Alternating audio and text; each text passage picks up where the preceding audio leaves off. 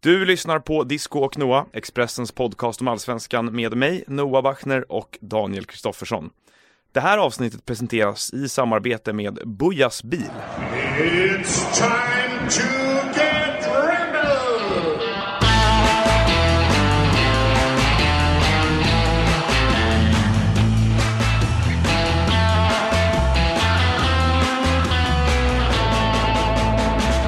Det hade ju varit en ganska oväntad vändning på fotbollsspelaren Mohamed Bouattarayas karriär om vi plötsligt, han konkurrerade ut Berras biluthyrning och de här andra bilfirmorna som man brukar se brumma runt i stan. Men det är Exakt. ju inte riktigt det vi syftar till här. Bojas bil AB Ja, hade det hade då. varit. Hade du köpt bil där? Eller hyrt bil? Det är nog tveksamt. Ja, en bil med svart magi i, eh, När man sätter sig på det så blir man stucken av ja. någonting, voodoo. Det hade varit en, eh, en oväntad vändning också Verkligen. Men Eh, berätta, vad handlar det här om? Ja, vi vet ju båda två lite grann om det här. Det har ju surrats, men vi har lyckats, lyckats bekräfta storyn i alla fall. Ja, Eh, nej men det är ju så att eh, Mohamed Bouattaraj har ju i alla fall temporärt lämnat Sverige. Ja. Eh, han är ju just nu inte, finns det ju ingen sannolikhet att han spelar i, i Sverige nästa Nej. säsong, eller i Djurgården nästa säsong. nej, och dels var han ju med landslaget eh, och det var ju då han eh, drog det här Precis. svart magi och voodoo-grejen när han hade eh, ja, klivit på någonting som Precis, han har fått att- ont i, i, i, i foten. Och sen så har han Den varit indirekta anklagelsen mot Mujo Tankovic, han har kastat svart magi över honom för att han tog skytteligatiteln. och sen har det varit på semester i Turkiet eller något sånt där tror jag. Så är det. Eh, vad han eh, har lämnat efter sig i Sverige eh, vet vi inte exakt mer än att han eh, har lämnat efter sig en bil. En lyxig stadsjeep Så är det. Eh, och Som han köpte för, jag vet inte, några månader sedan eller ett halvår sedan i alla fall. Ja. För väldigt mycket pengar. Och, och det konstiga i det här då, eh, som vi har förstått, Ja. är ju att Mohamed Bouattaraj har inget körkort. Nej. Eh, och den här bilen står Eh, bara eh, på en plats. på en plats i Stockholm nu Ja. och har stått väldigt länge. Och I några- det, det är helt som, oanvänd. som kände Boja under det här året han var i Djurgården nu, som undrar lite vad han Ska göra vad ska med bilen. med den här bilen. Det står bara en lyxig stadsjeep rätt upp och ner och väntar på att något ska hända. Ja, Men är- Boja verkar inte bry sig så mycket om den här bilen. Han inte, det är inte hans första prioritet att ta tag i det här Nej, och han bilproblemet. kan ju inte köra den själv. Liksom, Nej. Om han inte fuskar och kör ändå. Och det Nej, hoppas vi att han inte gör. Nej, det hoppas man verkligen inte gör. Ja, eh, det är en, vi ser det här som inledning på en följetong kanske. Vi ska Absolut. hålla, hålla koll på vad som händer med Bojas bil. Bojas bil ska vi ha eh, stenkoll på och ja, det blir väl en liten mini-dokumentär här om Bojas Precis. bil. Kan ju bli så att den får ersätta den tilltänkta Boja-statyn utanför eh, någonstans. Exakt. Eh, Du, det har varit en händelserik vecka. Det har eh, varit, eh, man trodde det skulle stanna av där lite med eh, Zlatan eh, som gick in i Hammarby och sådär, men sen har ja, det vi bara... hade ju, spelade ju in förra avsnittet Ja. samma morgon som nyheten kom. Exakt. Om att han faktiskt köpte in sig i Hammarby, eller fixade delägarskap i Hammarby. Mm. Och eh, därefter följde ju då det sedvanliga som blir, det känns som att det är någon sorts ny version av Goodwins law, du vet, där alla diskussioner slutar med en referens till Hitler. Ja, Att eh, alla, allt som händer nu för tiden slutar med eh, kärleksbombningar. Ja. Därför att det är alltid en hatvåg av något slag och sen Exakt. slutar det med att någon sätter upp 250 post-it-lappar och formar det till hjärtan på Ja. någonting. Och så även här. exakt. Och eh, ja, men det, och det var vi ju inne på redan i förra veckans avsnitt. Jag sa ju att Zlatan pissade på Malmö supportrar. Eh, det kan ni ju höra själv. Eh, I och med att han Ta ditt ansvar som journalist. Det var ditt fel att det stängdes in surströmming i trappuppgången och att folk klottrade Judas. Nej, och jag menar, det finns ju ingen eh, som inte följer allsvenskan på nära håll och som har sett den här liksom, eh, ja men som känner till supporterkulturen som inte, som är förvånad över att Malmöfansen känner en avsky och ilska och är förbannade. Det är väl det, det mest eh, normala. Här liksom har Zlatan gått och, eh, jag menar, han var ju med och delade ut SM-pokalen till, till Malmö eh, Ja. och liksom allt sånt där. Men jag skrev i alla fall en krönika om att det, det som är efter, det, efterföljande kommer ju då dels Eh, det är ju en, man får ju liksom skilja på ha- hat och hat här. Här är det liksom eh, några supportrar som uttrycker att Zlatan är dum i huvudet eh, eh, som liksom eh, går in i, Ma- eh, eller i Hammarby och sen liksom pissar ner sitt arv. Det är ju en sak att man, det fattar ju alla att de är förbannade över. Sen är ju det som var vidrigt och ovärdigt var ju det här hatet, andra hatet som kom in. Dels med rasismen där det skrevs zigenare på statyn, det skrevs Judas på hans bostad här i Stockholm, det kastades in surströmming i, i eh, trappuppgången eller portuppgången här ur hennes bostad. Jag menar, då tycker jag man kliver över en gräns som absolut inte är okej. Ja, rasismen behöver vi inte ens diskutera, det är ju vedervärdigt och alltihopa. Men dels när man liksom klottrar ner hans dörr och eh, liksom kastar in surströmming, då tycker jag man har passerat en gräns Ja, också. Liksom när man går på den privata sfären och liksom att det är någon, att det är folk som ändå tar sig hem till honom, hans bostad, där hans barn kan vara, hans familj kan vara. Det tycker jag är eh, vidrigt. Men, men det- du sa det där, så det är ju skillnad på hat och hat. Ja. Alltså, i det här, vi, vi kan ju prata om, man kan klassificera då eh, stark rivalitet eller känslor av liksom svek och sådär som, som hat. Det tycker inte jag att det är, utan Mm. Nej. det är ju någonting annat. Det här är ju, Exakt. det ingår ju i liksom supportersfären eller fotbollens eh, atmosfär på något sätt. Att man eh, uttrycker väldigt mycket ilska när någon sviker Ja. på det sättet. Och det är inte, det är samma sak som att skrika ett och annat okvädsord på från en läktarhåll. Det är inte Ja. hat på det sättet heller. Däremot så går det över, som du säger, det finns en rätt enkel gräns. Ja. Det vill säga, snavar man över på rasism eller vandaliserar och bru- brukar massa våld Mm. eh, så är det ju liksom, tycker jag, att man hamnar eh, ganska, då är det lätt att dra den Men gränsen. vem var tycker man... inte det? det är väl, Ja, men. Mm. men, i alla fall, det jag ska komma till det var att när jag skrev den här krönikan så skrev jag att hatet var ovärdigt och vidrigt. Mm. Eh, och då var det ju några som misstolkade det här, vilket eh, många väljer att göra eh, omedvetet eller medvetet på Twitter. Det är ju liksom så, Hör till liksom det. hör till sociala medier. Och det gör inte mig absolut ingenting, men eh, när liksom eh, det blir att eh, på något vis att jag inte förstår supporterkulturen och när typ, eh, jag vet inte, jag tror det var Gusten Dahlin som sa att någon Expressen-krönikör eh, ska säga till Malmö-supportrarna vad de ska tycka, eh, då blir det fel. Nej, jag säger inte till Malmö-supportrarna vad de ska tycka, utan jag skrev en krönika vad jag tycker. Det är väl en jävla skillnad. Eh, och det är ju eh, liksom, det är ju märkligt att det ska bli sådana missuppfattningar och sen liksom att eh, Eh, ja, eh, det blir jättekonstigt där när man, när liksom det blir att eh, Ja, det blir att, att eh, det,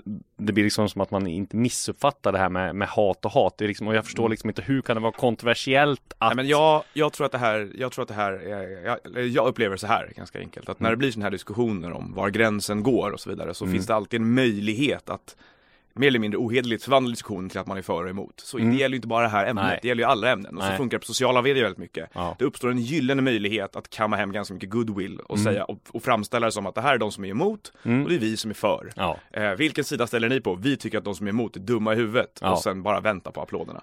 Eh, jag har inte hört det Gusten sa, så jag vet inte vad han sa i det här Nej. fallet. Men eh, däremot så, man tittar på generella transaktionen som alltid sker Mm. på sociala medier, den här terrorbalansen, så är det det det går ut på ganska mycket. Att, Mm. eh, det spelar ingen roll vilken, om det handlar om Skattereformer, skolan, eh, integration, invandring, eh, supporterkultur eller vad det än är för någonting så är det väldigt lätt Nej. att förvandla vilken, vilket argumentation som helst till, till ett för och emot Nej. och inte se några nyanser eller aldrig kunna liksom skilja på någonting utan man pratar bara i rubrikform egentligen där man får välja sida ganska snabbt. Det var samma Mm. Ja. sak som typ diskussionen om ska Zlatan vara med i VM. Det gick inte att föra en diskussion om det därför att det var bara är du för eller emot Zlatan som person? Alltså Ja. är du för eller emot Zlatans existens blev det slut. ja. men, eller sådär så här, vem är bäst av Ronaldo och Messi? Nej. Samma sak där, det går liksom inte det finns, det finns inte en diskussion, utan det finns Nej. bara ett ställningstagande nästan.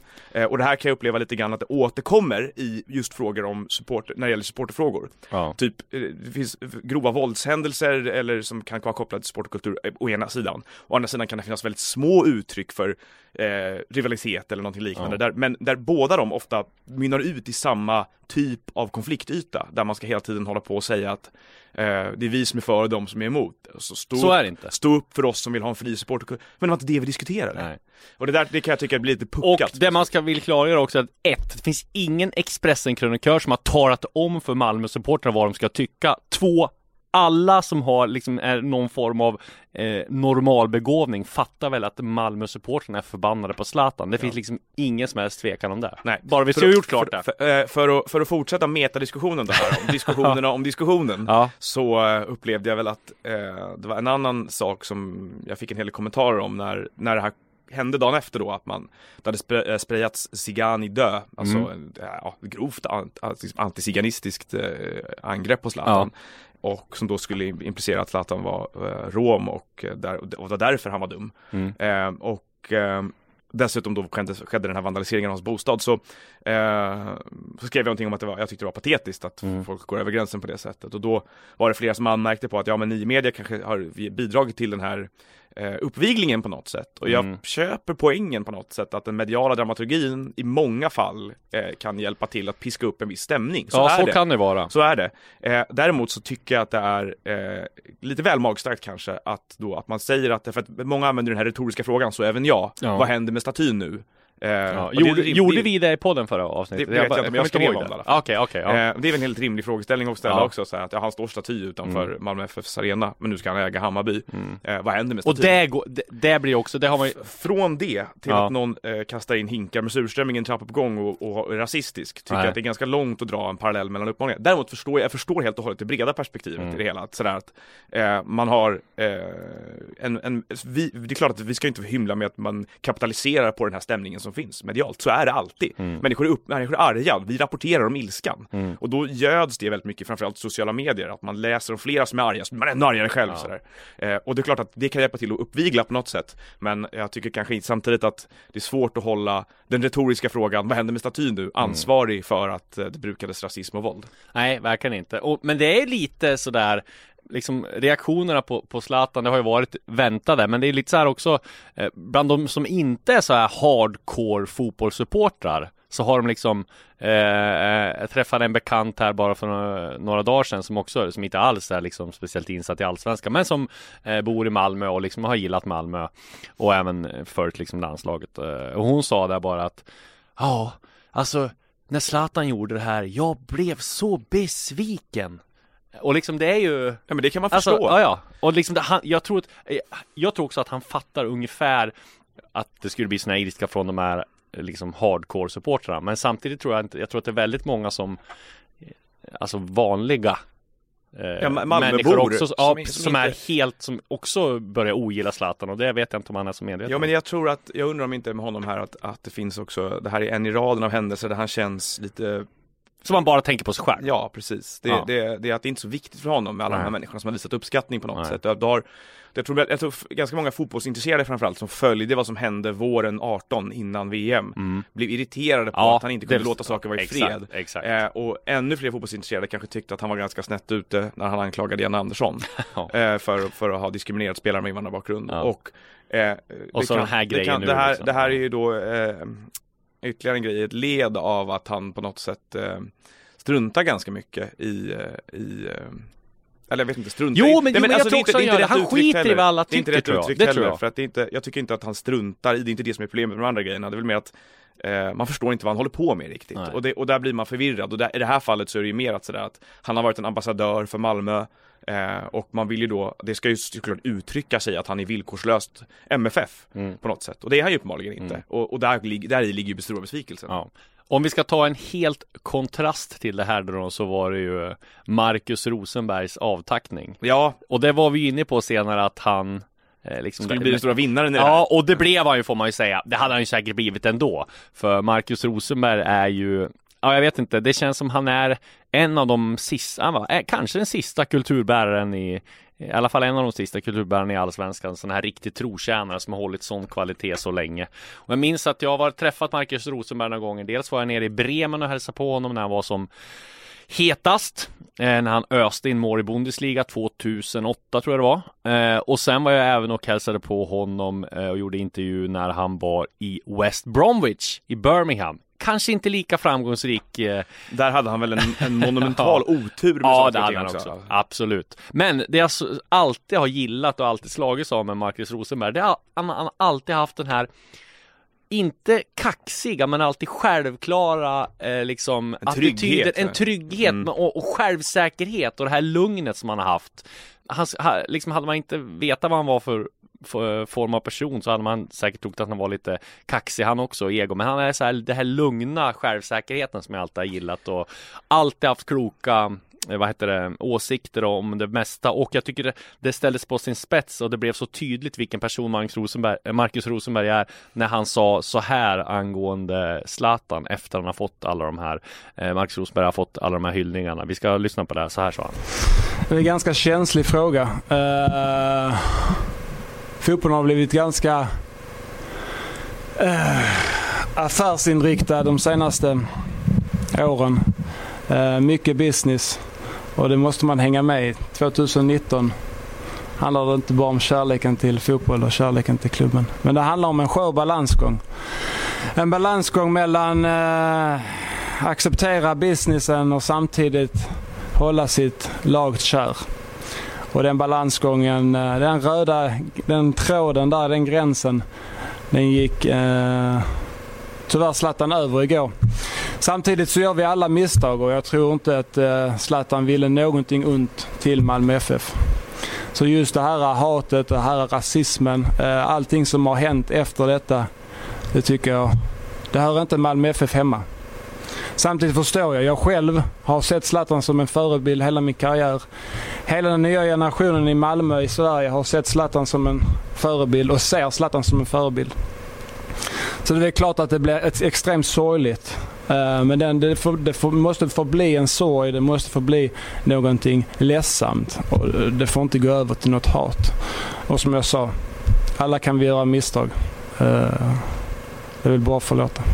Han säger allt som behöver sägas. Han Ja. säger det bäst av alla. Och ganska nyanserat. Verkligen. Eh, Och ganska sådär odramatiskt, lite Ja. förlåtande på något sätt. Exakt. Men ändå, men ändå besviket. Ja. Eh, han gick över gränsen, det Mm. var synd liksom. Mm. Eh, jag håller med, det var nästan den bästa. Men det, med honom så Eh, den där tryggheten brukar ju leda till att man kan prata bra om saker Mm. också Därför att man är inte så rädd för folks reaktioner på det ena eller andra Utan han känns ju oerhört Och det, alla som har varit i ett omklädningsrum någon gång eller vistats i en grupp på något Mm. sätt vet ju att den där typen av lugn i ett ledarskap är väldigt viktigt att Ja. Det är alltid någon som säger här, det är lugnt, vi har det här Mm. Och det känns som att den egenskapen mer än någon annan i fotbollsspelaren Marcus Rosenberg har varit fullständigt vital för MFF Verkligen. under, eh, under 2010-talet för att när de har blivit den klubben de är. Så att jag håller med dig, det, det som är konstigt med honom, eller konstigt med honom, det som är speciellt med honom som jag tänkte på också nu, jag skrev om honom inför sista omgången i Allsvenskan. Mm. Att eh, jag tycker att han på något sätt har personifierat Allsvenskans utveckling på något sätt. Att det här lite utåtblickande, att vi, Allsvenskans utveckling de senaste åren har reflekterat honom som person.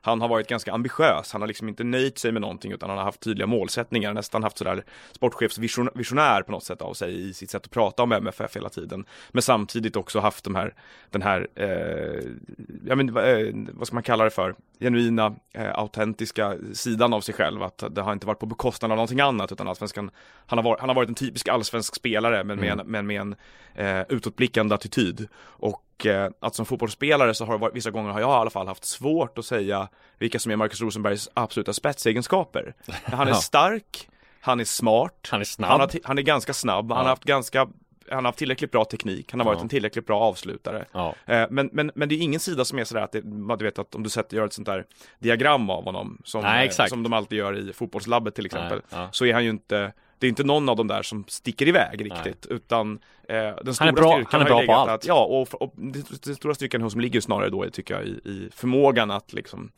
skapa sig eh, de matchbilder han vill ha hela tiden. Mm. Och han kommer ju vara enormt saknad i Allsvenskan. Ja, om han nu försvinner i all kapacitet. Eh, det är ju nämligen så att det finns ytterligare 25% att köpa i Hammarby.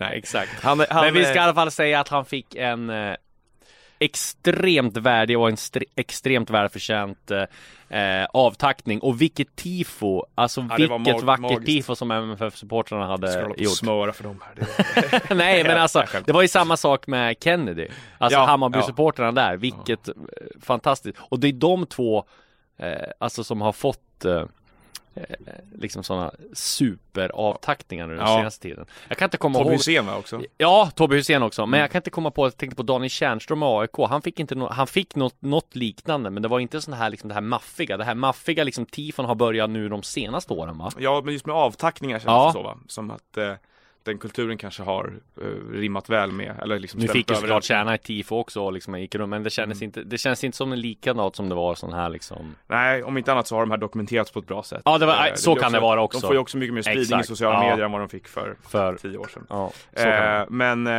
nej men ska säga det att det här ögonblicket som sker på slutet av den här matchen när Rosenberg då gör ett väldigt starkt av MFF och slår Dynamo Kiev ska vi kanske säga också Ja. med 4-3 och har ju Jävla Hawaii-match. vidare. Snacka om Hawaii-match. Otrolig match. Eh, men de har också en god möjlighet att gå vidare nu från den här gruppen vilket är fantastiskt starkt för andra Ja. året rad. Så det här målet och det som sker i det ögonblicket och, och sekunderna efter där så jag man, man liksom, ofta blir det så tycker jag, man rörs ju av att se alla känslor och så. Ja, Men jag försöker ofta väldigt ofta översätta upplevelsen till hur jag skulle upplevt det. Mm. Så att om, om mitt Newcastle till exempel då hade eh, så, eh, släppt iväg eh, Andy Carroll till Liverpool men så kom han hem när han var 29 och Ja. i sin sista hemmamatch någonsin så stöter han in ett avgörande mål i, i sista minuten när vi möter eh, ta Juventus på hemmaplan Ja. i Champions League och gå vidare från gruppen Mm. så hade det ju varit, jag menar jag hade, jag hade varit nöjd här. Jag hade inte Ja. behövt någon ligatitel. Nej. Jag hade inte behövt, jag, alltså det är ju det här alla känslor destillat på Ja. något sätt. Det enda jag någonsin behöver som supporter är att se min kille, eller vår kille, göra det målet i det ögonblicket. Eh, och att det är oftast rätt sådär, man pratar rätt mycket ur supportperspektiv om att man ska vinna titlar och fram och tillbaka. Ja. Det är ju jätteviktigt. Och, eh, men de här upplevelserna, de här individuella ödena där, man, där alla ens känslor kan kokas ner i en, ett mål av en speciell spelare. Mm. Att överhuvudtaget få uppleva eran Rosenberg är en sak som väldigt många supportrar aldrig får göra. Exakt. Eh, men att uppleva eran Rosenberg och sen då Med få den hela den eran, ja, men få hela den eran nedkokad Ja. i det ögonblicket är ju få förunnat. Så det Ja. är bara att gratulera alla som håller på MFF till att ni levde under det här. Verkligen. Men du, Andy Carroll tänkte jag på, är han närmaste man Rosenberg man kommer? Fan, snacka Ja, det om, bort, snacka om bortglömde lirare. Han Andy ska, Carroll. skadade ju bort hela karriären. Ja. Borde aldrig ha lämnat. Nej men det är ju Vart är han nu? West Han är i? Newcastle. Han, Jaha, han gick han kommer tillbaka, tillbaka, i somras, okej, ja. ja. Men det är, det är inte tal om några mål mot Juventus i Champions League inte. Det är några dåliga inhopp på slutet mot Burnley, noll, Vad noll hemskt. på förluster. Ja det är riktigt Och så hemskt. gammal är han säkert inte Nej, heller. Han är 30. Ja, det är så Eh, men nej men i min, min lista så är klart Alan Shearer den stora Ja, men motsvarigheten det på något sätt. man, ja. Han kom ju också tillbaka och, eh, efter att ha lämnat i unga Mm. år så. Eh, och gjorde ju, det var ju många fina ögonblick där också. Men eh, jag tror att det här är på en annan nivå. Vi, ska vi släppa, eller vi har någonting om eh, Ja men vi måste ju, ja, nej men vi måste ju, först måste vi snacka om Zlatan, vi glömde ju det. De har, Milan, Just det, hallå? ja just det. Efter- Enligt, enligt Telegraph alla Ja, enligt The Telegraph, alltså vad märkligt ändå att det är engelska. Det- är ju där, där man kanske kan ha litet eh, skepsis mot de här uppgifterna. Ja, Men dels att det är Telegraph säger väl en del om, den brukar vara trovärdig, ja. eller hur? Eh, Men sen är det ju ingen av de här italienska silligurorna som hakar på, vilket kanske inte säger en del för de är, har haft, de är, skjuter ju med hagelbössa, ja, Ja. precis. Men att de inte har sagt Välkommen till Coolbet där spänningen aldrig tar slut och underhållningen står i centrum. Här får du inte bara Sveriges bästa fotbollsodds, du får också en spel...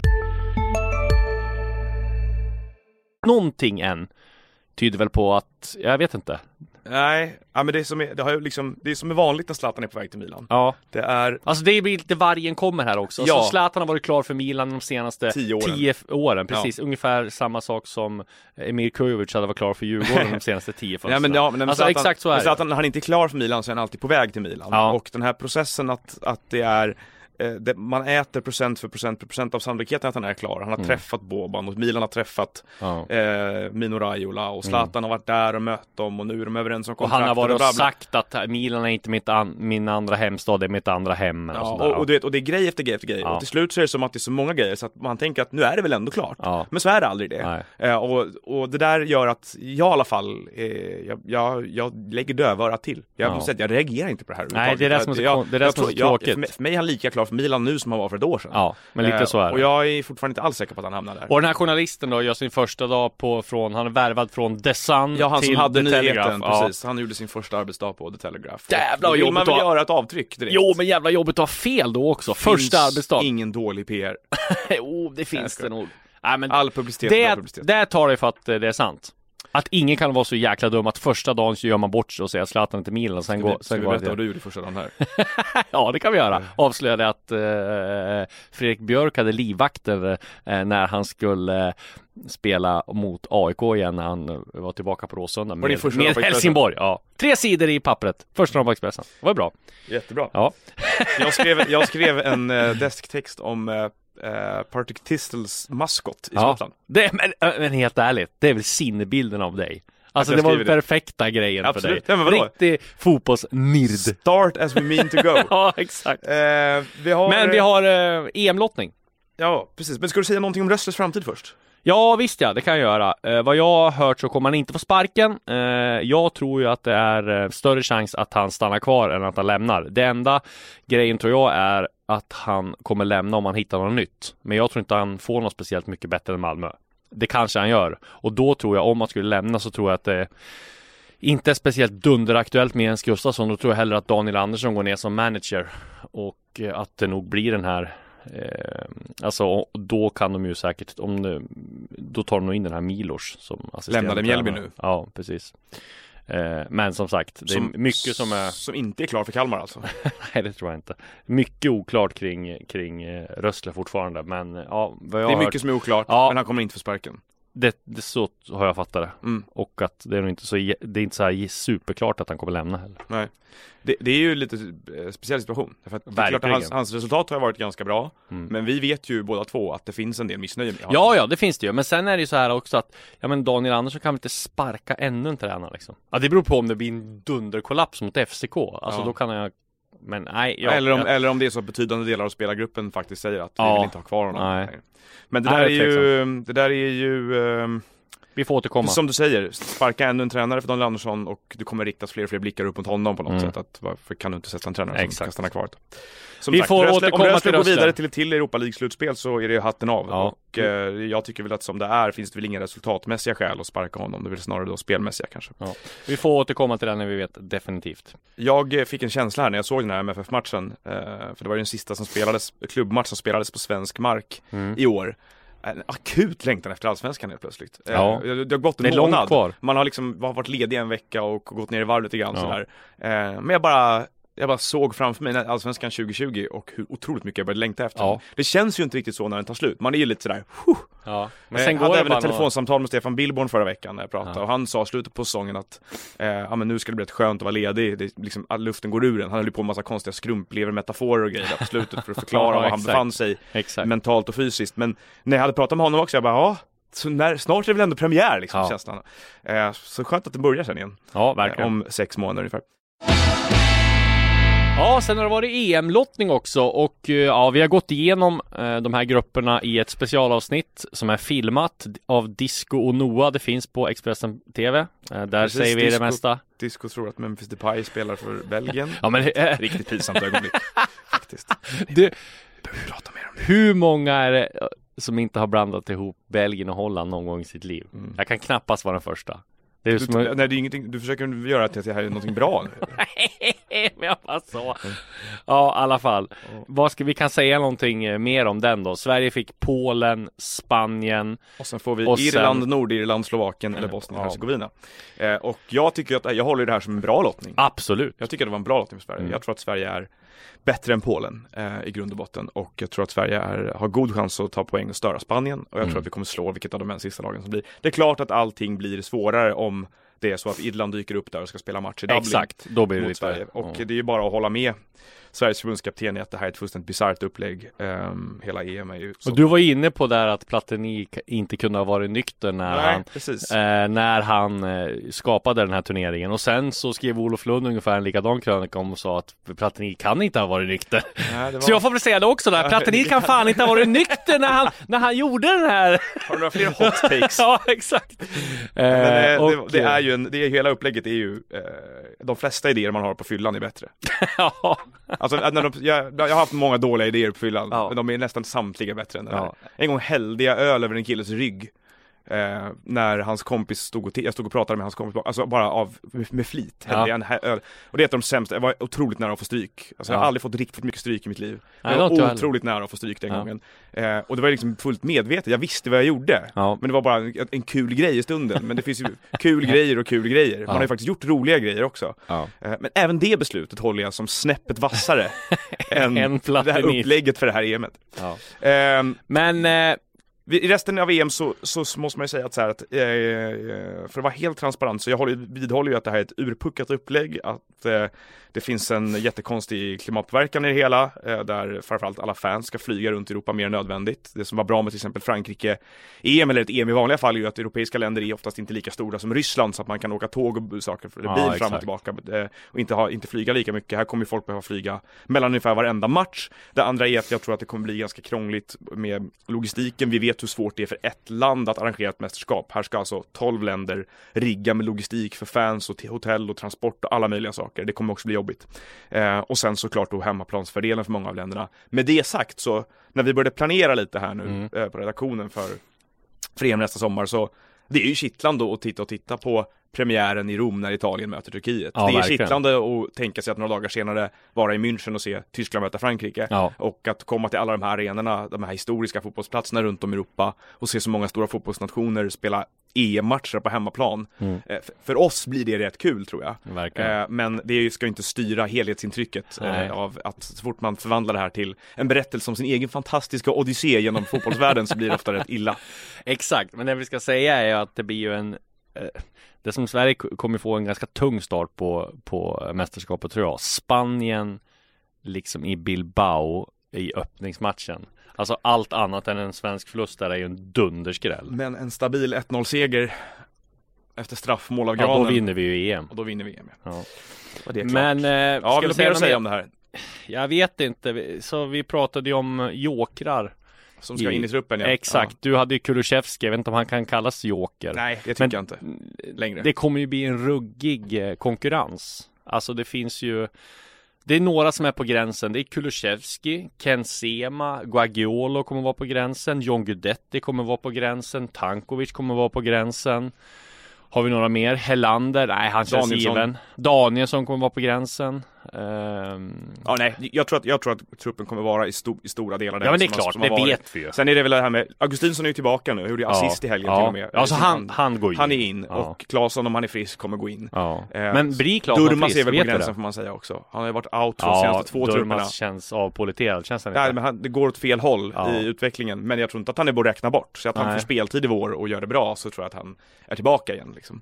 Men, ehm, nej men det, det, är väl en, eh, det är väl en grupp spelare där som Ja. ligger och skuggar. Jakob precis. Johansson. Svanberg är på gränsen också. Ja, Jakob Johansson. Jakob Johansson på gränsen, om han är tillbaka. Mm. Ja, nej det är hård konkurrens. Eh, så det kommer bli en, en eh, rolig marschsamling helt enkelt. Där Ja, många av ska de här testa några. få chansen. Och sen kommer väl några kanske från Allsvenskan som är, eh, vad heter det, tilltänkta få chanser på januariturnén här. Det Precis. tas ut nästa vecka, så det blir Precis. väl några där också som Eh, vi räknar med en del namn som inte har varit med så mycket. ja, Bahoui till exempel, Kasaniklic kommer säkert vara med. Beijmo kommer säkert vara med. Ja. Eh, en hel del till. Mm.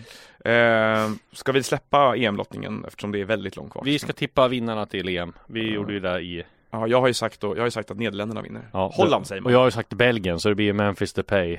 Han vinner oavsett. Ja. Ja, och det är ju så att eh, din värld har börjat snurra allt snabbare, Disco. Ja, precis. Eh, berätta var Vi har- alla är på väg. Ja, är vi jag har- klar för någon? Du är klar för eh, tjoget. Tack.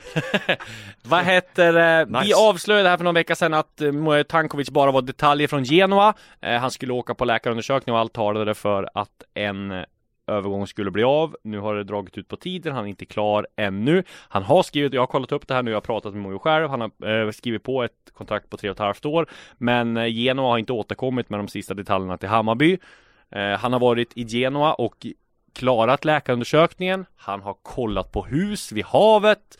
Eh, Vid havet? Ja, precis. Så han väntar bara på att eh, det här ska bli klart med sportchefen eh, som ska, ja men de har värvat en ny sportchef från Brescia eh, som de ska ta in.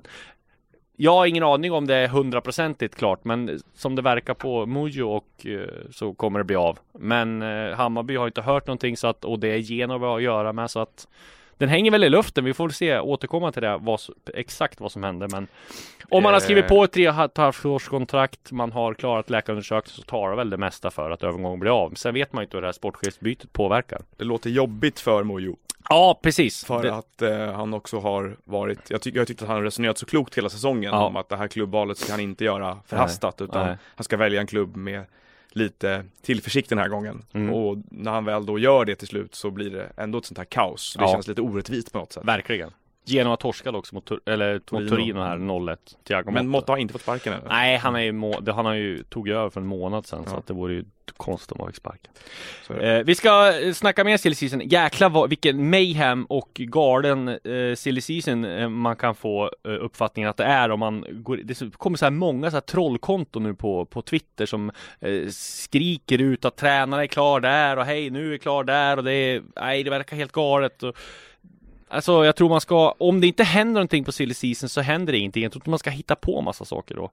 Eh, Jo, kör. Man, ja, precis. man kan få liksom, eh, liksom uppfattningen om att det är en galen cirkus här. Jag tror senaste Mm. var GP som skrev att Christian Järdler är klar för ÖIS. Men, Det var han inte. Men nej, det, han är i Thailand på semester och har inte skrivit på någonting så att nej, mycket Mm. märkligt. Men det vi kan konstatera är i alla fall att Philadelphia Union har lagt ett bud på Fredrik Ulvestad, mittfältare i Djurgården. Eh, men en övergång är inte aktuell. Ulvestad vill inte till MLS. Han vill stanna i Europa för att eh, behålla sin landslagsplats och blir det en övergång så blir det till någon klubb i Europa i så fall. Men det finns lite intresse för norrmannen där. I... Även från Europa. Ja, men frågan är om de vill betala det Djurgården vill ha. Jag tror inte Djurgården släpper honom speciellt billigt med tanke på hur viktig han var. Bra nyheter för Djurgården att han inte vill flytta till MLS då. Ja, Därför att, För att- eh, de klubbarna känns ju som att de är mer betalningsvilliga när det gäller spelare som honom.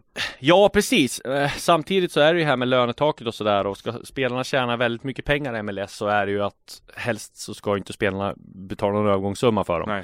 Nej. Eh, däremot så är det ju MLS-klubbarna som är väl det främsta hotet med apostroftecken mot eh, de allsvenska stjärnorna. För de har ju MLS-klubbarna har ju fått lite mer pengar. De har varit på väldigt många matcher. De har väldigt många scouter här i, i eh, Skandinavien och framförallt allsvenskan. Vi såg att New York City FC var väldigt nära på att rycka till sig Anders Christiansen från Malmö FF här senast. De Mm. var förhandlade och la bud och sådär men det blev ingenting. Han blev för dyr i slutändan.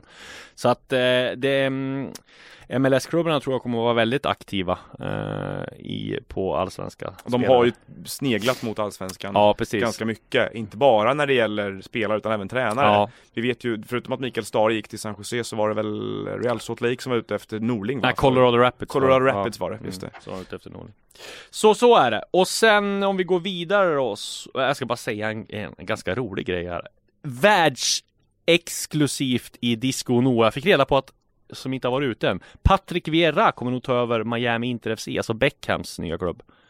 Fick jag reda på när jag kollade upp det här. Vänta, andra här, det här är inte ute någonstans. Nej, alltså så här är det. Vi ska inte smälla på med stora trumman här nu för att, men jag vill bara se. Det här är en, två väldigt pålitliga källor som har sagt samma sak. Patrik Vera, nu tränare i Nice, går ganska dåligt. Har varit aktuell för Arsenal nu så såg jag. Men eh, Mm. de säger båda att det, det med all sannolikhet till 95% blir Miami Inter FC för Patrik Vera. Går den här in nu så har vi ett världsscoop här i Disco Noah. Men vi smäller inte på med några stora trummor och skriver en massa artiklar Gör och det. gör rubriker. Nej, vi, vi, vi ligger lågt och kollar om de här eh, källorna har rätt. Det är bara onödigt och, och, och men vi kollar i alla fall det. Ja. Eh, vad kan vi säga mer? Jo, Sirius är intresserad av Christian Kouakou i Brage. Jag har inte tagit något beslut om de ska lägga ett bud på eh, den förra AIK-anfallaren men eh, finns ett stort intresse från Sirius och eh, försöka knyta till sig Kouakou. Vi får se vart det landar. Eh, mer? Nej, det var väl eh, det mesta AIK kommer... Dino Islamovic? Dino Islamovic har ju ryktats att han är klar för IFK Norrköping och ska på läkarundersökning den här veckan. Vad jag författar som så ska han inte på den läkarundersökningen den här veckan och har inte bestämt sig än. Så att vi får se. Det kan mycket väl bli Norrköping säkert Fler icke-nyheter. Här är allt som inte händer. Precis. Nej men eh, så tror jag det är om jag ligger landet där. Sen är det ju så att lite trögstartat silly season i, i, i år som det brukar vara. Mm. Som sagt, jag kommer ihåg när det var någon jul. Du har ju skrivit en grej om Bayern här också som du vägrar säga. Vad var det då? Längst. Skärvik, ja precis ja. Jörgen Källvik, ingen panik för Bayern har skrivit. Eh, Galaxys vänster och mittback eh, har de ju varit intresserade av och har varit över i LA och diskuterat också. Men de överväger väl den. De kan lika gärna satsa på han Axel Sjöberg i Frej som någon form av backup i och en ung spelare som de behöver ju mer unga spelare i truppen. Så att det kan mycket väl bli så att, att det blir Axel Sjöberg som går in i Bayerns trupp istället för Källvik. Då så, Det var, det var det hela va? det var det hela va? Vad händer i veckan nu då för oss, säger vi? Ja, det är det jag ska ut ur det här rummet och försöka förhöra mig om. Ja. Eh, vi hade ju en eh, eh, konstig arbetsvecka förra veckan där Zlatan tog över agendan och sen så var det en liten paus innan det blev EM-lottning och Ja. eh, det beror på lite hur det går för Fredrik Ljungberg också tror jag. Det känns som Ja att visst han, ja. han är så pass, han är en tränare ändå en så pass stor klubb. Vi kan, må, det kan, måste vi snacka om lite vi grann. kan ju ta det, vi kan ju ta det här att jag, jag eh, reflekterar över det att det kan bero på olika saker men Mm. att reaktionerna på Fredrik Ljungbergs övertagande i Arsenal har varit otroligt svala. Ah, i- exakt det jag reagerar på också! Här har vi liksom en svensk superstjärna som är tränare i Arsenal, men det blir ändå inte riktigt den här hypen. det är är, det Zlatan som fixar det här eller? Ja, är det. Zlatan som Han- liksom tonar ner allt? Han hade precis vadat in i Hammarby Ja. två minuter innan, så det kan Exakt. ju ha med det att göra.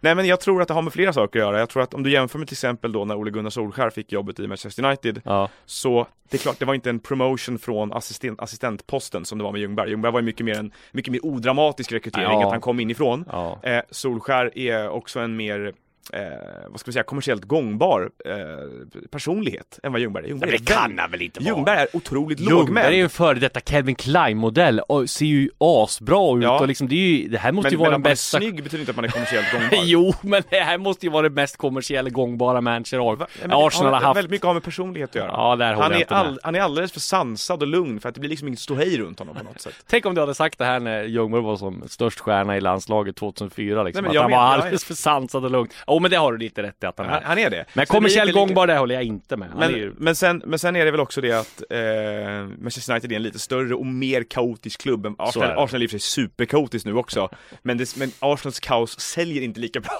som Nej. Uniteds kaos. Därför United, också, United också, håller också på att kaosar över Arsenal. Ja. Alltså om Arsenal säger, ja ah, kolla här, vi sparkar vår tränare och vår lagkapten eh, skriker 'fuck you' till publiken och vår största stjärna håller på att frottera sig med AFTV eh, och eh, allt det här händer. Då säger United, jaha, kolla här då. Och så kommer de och så är det ännu värre. Så att det är lite så att de blir nästan överskuggade av Uniteds Ja. Men, eh, vi ska säga det med Ljungberg, eh, att eh, jag tror att det kommer vara rätt mycket, det kan rätt, sådana här saker kan ta fart ganska snabbt. Ja, men sen är det väl så här också att det är väl ingen, det är väl där som jag tror, det är väl ingen som på allvar tror att han är någon långvarig manager i, i Arsenal. Han är liksom en interimlösning sägs det nu och ska bara ta över. Och jag menar, det, alltså bara de managerna som finns tillgängliga. Men, Nej, men, finns däremot, det de, det de är ute efter som det verkar är ju framförallt Brendan Rodgers.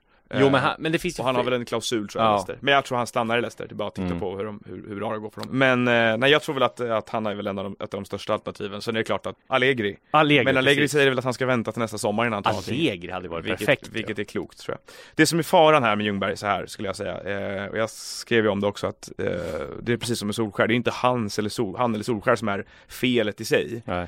Det finns en skillnad på dem och det är väl att i Solskärs fall så var det väldigt mycket mer nostalgi kändes det som med Ljungberg. Mm. Ljungberg, det är klart det nostalgiskt av Arsenal att överhuvudtaget ha honom i, eller att, liksom att vilja fostra honom i sin tränarstab. Ja. Men han måste ha gjort någonting rätt för att få, för att jobba där. Och det är samma sak med Solskjaer, gjorde väl någonting rätt för att få jobba med Uniteds U, U19 eller U21 Mm. eller U23 eller vad det var. Eh, skillnaden är att Ljungberg har aldrig haft ett huvudtränarjobb på egen hand tidigare. Nej. Det hade Solskär. Solskär hade till och med eh, hade lyckats okej i Molde, ganska bra till först, sen sämre i Cardiff och sen okej i Molde igen. Mm. Medan Ljungberg har inte gjort någonting annat. Så att det Ja. finns ju, det kan vara positivt och negativt att man inte har någon erfarenhet. Men Eh, faran är väl att likheten då att det är två dåligt skötta klubbar med en lång rad felbeslut bakom sig och som i ett steg i det ledet ta in de här tränarna. Väldigt mycket som tyder på att de inte riktigt vet vad de gör utan att de mest ja, chansar steg för steg lite grann Mm. här. Man tar saker på volley och att Ljungberg har fått chansen i Arsenal under ganska jobbiga omständigheter där det är ett stort strategiskt omtag som behöver göras. Det är en felbalanserad spelartrupp. Han ärver ett dåligt försvarsspel från Emery. Han har missnöjd publik, liksom, det är väldigt mycket oro runt honom. Mm. Precis som att Solskjaer kom in i Manchester United där de positiva kortsiktiga effekterna var enorma.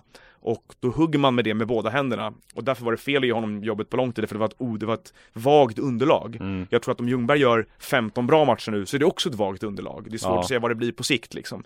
Så att skulle Arsenal vilja rekrytera honom permanent, då skulle jag nog skriva kontraktet i tvåstegsraket först. Om det går bra första 15 matcherna, skriv resten av säsongen, utvärdera igen.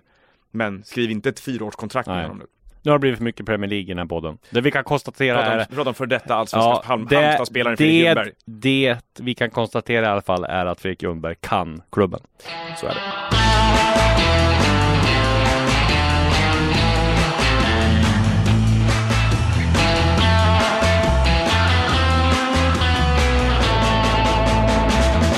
Du har lyssnat på en podcast från Expressen. Ansvarig utgivare är Klas Granström.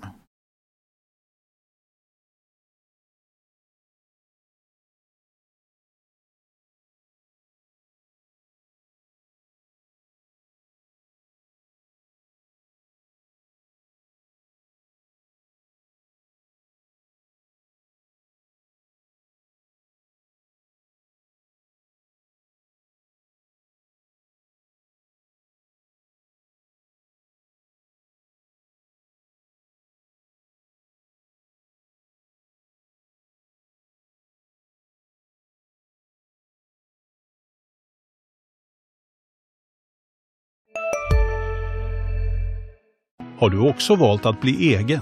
Då är det viktigt att skaffa en bra företagsförsäkring. Hos oss är alla småföretag stora och inga frågor för små. Swedeas företagsförsäkring är anpassad för mindre företag och täcker även sånt som din hemförsäkring inte täcker. Gå in på swedea.se företag och jämför själv. Hej, Synoptik här. Hos oss får du hjälp med att ta hand om din ögonhälsa. Vår synundersökning kan vi upptäcka både synförändringar och tecken på vanliga ögonsjukdomar. Boka tid på synoptik.se.